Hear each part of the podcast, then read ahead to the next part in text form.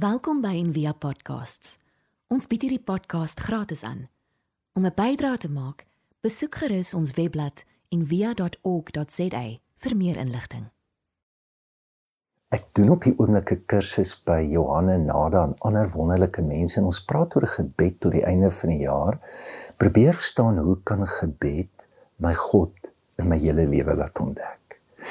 In hierdie week toe ons um, my beeld van God behandel en iets wat ek al baie in my lewe gedoen het, toe raak ek bewus dat ek regtig dankbaar moet wees dat ek nooit God leer ken het as kind as 'n uh, regter of iemand wat vreeslik wreedaardig is wat lei tot al hierdie erge godsdienstige neurose wat ons sien.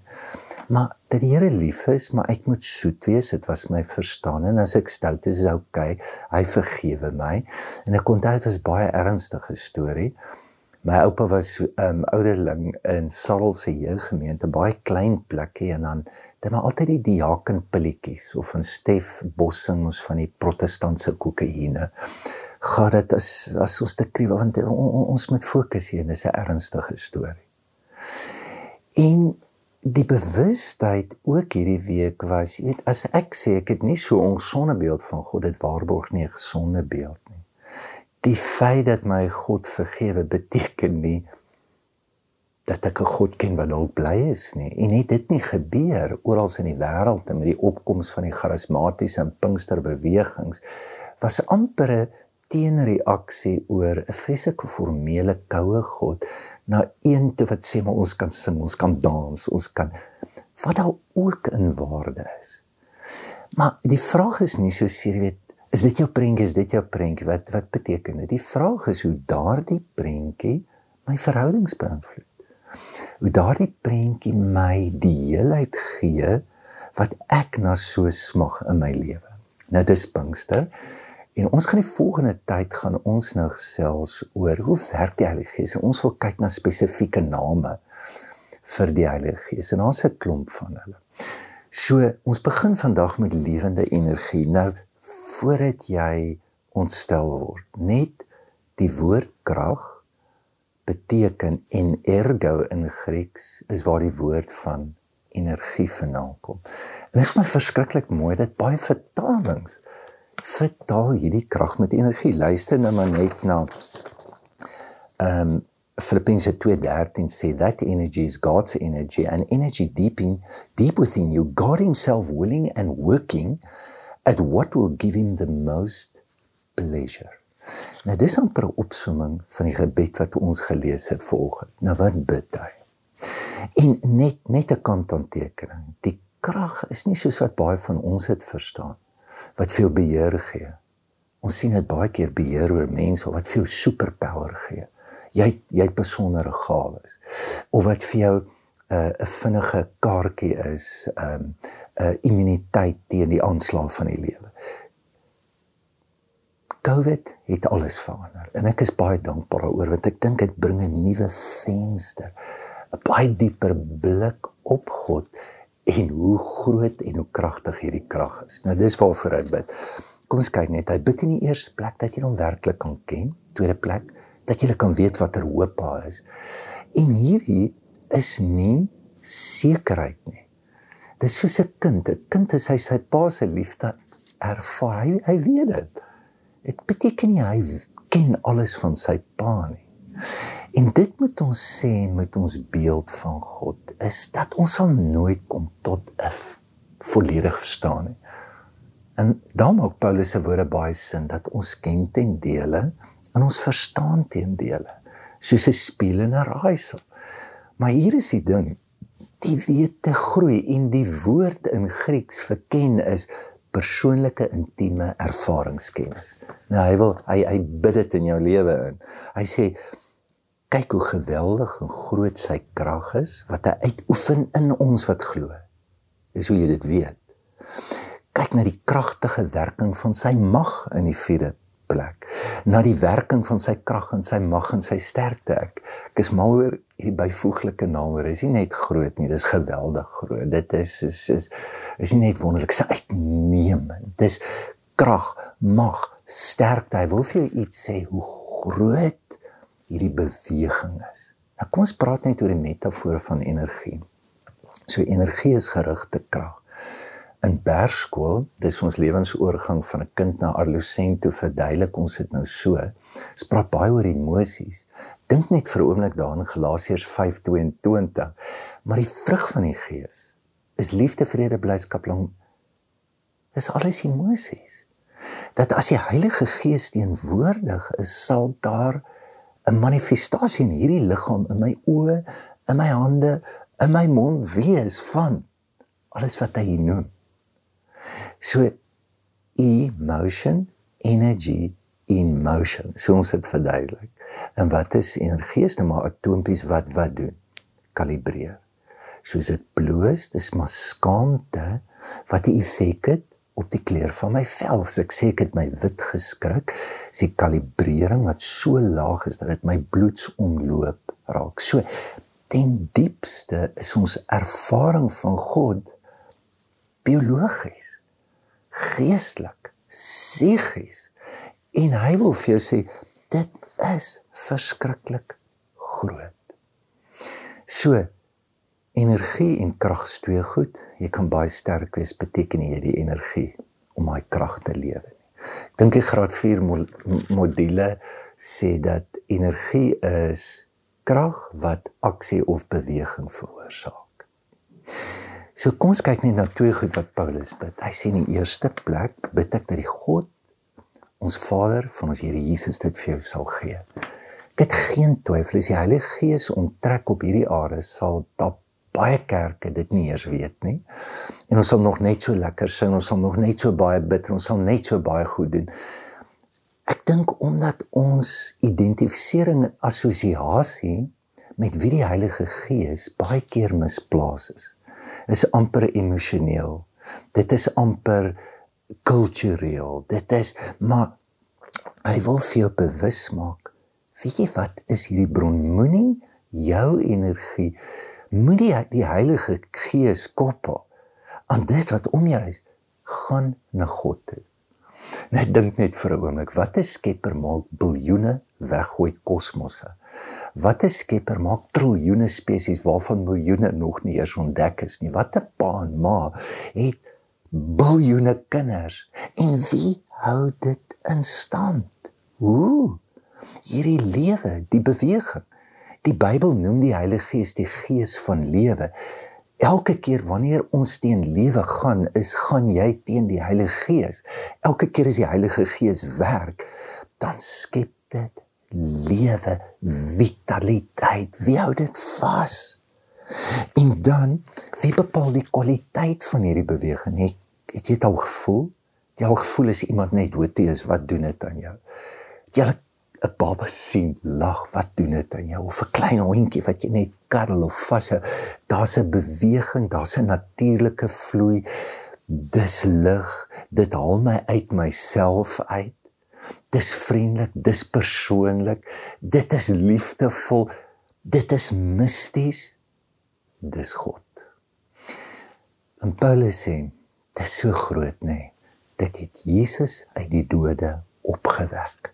Dis vir die grootste wonderwerk en dit is waaraan nie eers energie is nie, kan God inkom en energie opwek. In die tweede plek is nie net dat ons dit ontvang nie, dit is hoe hoe kanaliseer ons dit? Hoe spandeer ons die energie wat uit God kom? As hy die bron is en hy sit dit in alle forme. Hoe spandeer ons dit? So Galasiërs 5:23 sê to be able to marshal and direct our energies wisely. Jy kan dit onwys ook aanwend. Dit kan teen jou werk ook. Ek dink dit was jong wat gesê het energie is nie vriendelik nie. Dit is imperialisties. Dit dit verower. Weet jy wat kan selfsug doen? Kyk maar net na wel wel is. Ehm um, Petrus het hierdie beeld van as die wêreld jou bed word, as dit 'n pornografiese landskap jou jou jou hele lewe word. Hy sê hulle het oë van oorspel. Hy sê hulle hulle verstand is verduister. Dis 'n beskrywing van 'n krag wat van jou besit neem waarvan jy nie meer beheer in jou lewe het nie. Dit kan materialisme wees, dit kan woede wees, dit kan bitterheid wees, dit kan haat wees. Hierdie energie verkeerd gekanaliseer kan teen jou werk. En ek dink wat die Bybel sonde noem, is bloot energie wat verkeerd aangewend word. En ek dink ons kan maar luister na die ou mense wat ons baie keer beskryf het as preets of konservatief of verkramp of daar was 'n verstaan dink ek van wat energie en hoe gevaarlik dit in jou lewe kan wees. Nou ek wil net afsluit. So hoe hoe beweeg hierdie krag? Hoe hoe hoe as die Heilige Gees ons kan stimuleer, wat kan ons doen? Nou jy het nou die gemeente gehoor van die vier bewegings. Lees gerus op ons web. As jy op onderskeidingstydperk was, het jy nou al gehoor van lente, somer, winter of van die noorde, die suide, die ooste, die weste of die vier evangelies. In daai evangelies het almal 'n beeld. As jy in die kerke in Europa is, dan sê jy sien maar hier's 'n os, hier's 'n leeu, hier's 'n arend en hier's 'n mens. Wat? Hoekom?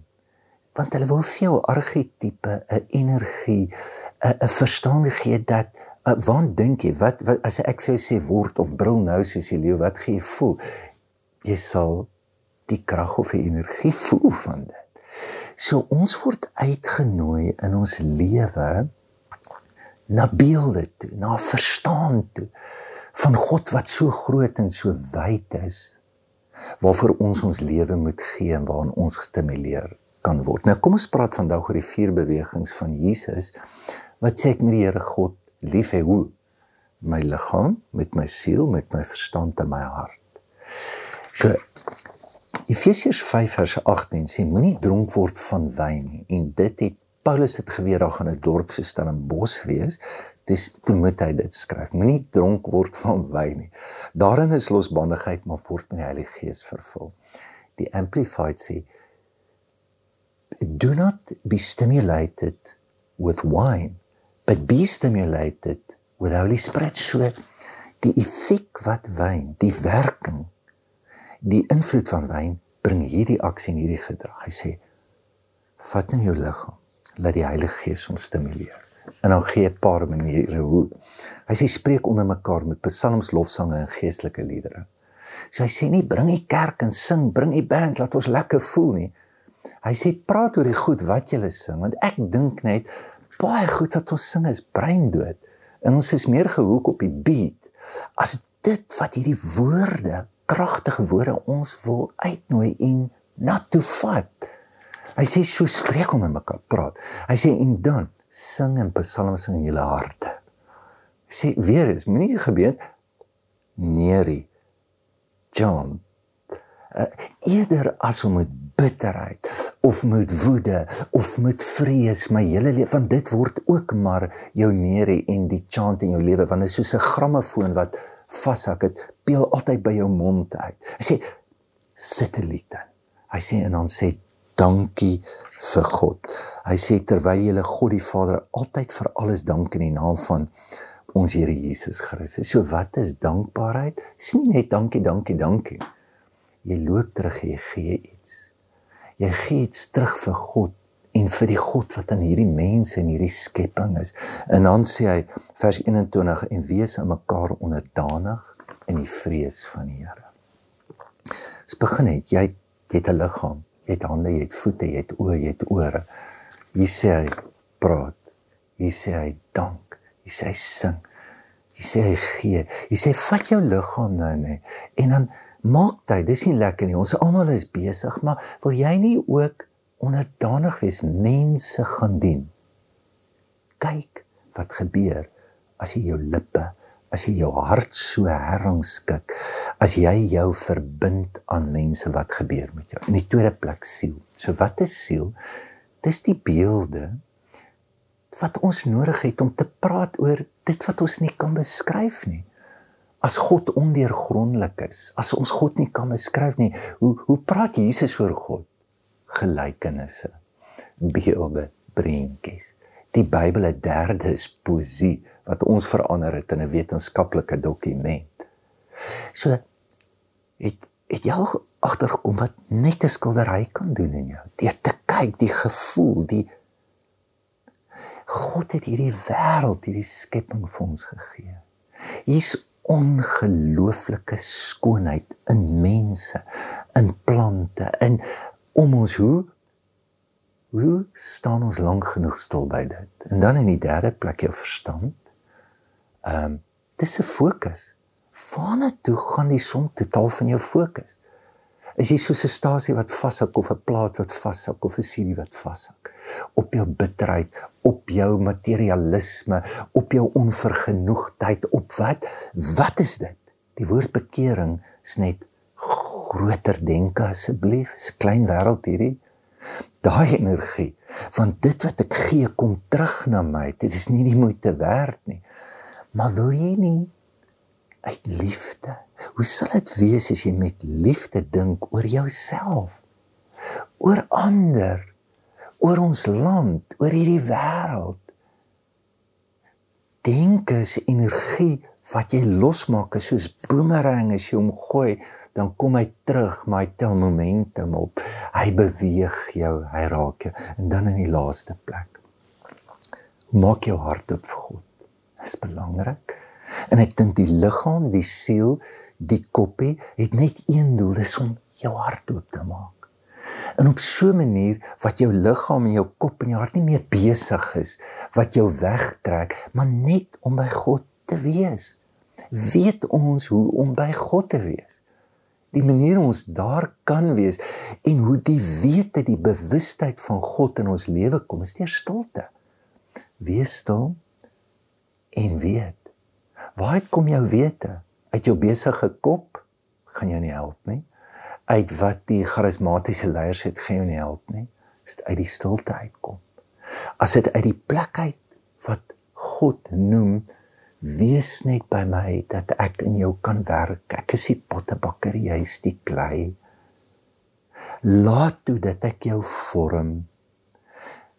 Ek is soos 'n gespeende kind in die bors van my moeder. Ek soek nie meer kos nie ek rus net. Die ou kerkvaders het rus en stilte dieselfde genoem. Weet jy wat se verkoeking is daar in rus? Is jy nie rus nie, gaan jy al jou energie in jou lewe opmors. Weet jy hoe voel dit om in God te rus? In sy stilte net te gaan om op te vaar met die vleuels van 'n arend?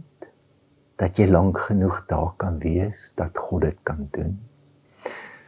Mag jy voel hoe die Here hierdie liggaam, jou siel, jou fokus, jou denke en jou hart spoor na hierdie krag en lewe wat hy vir jou het.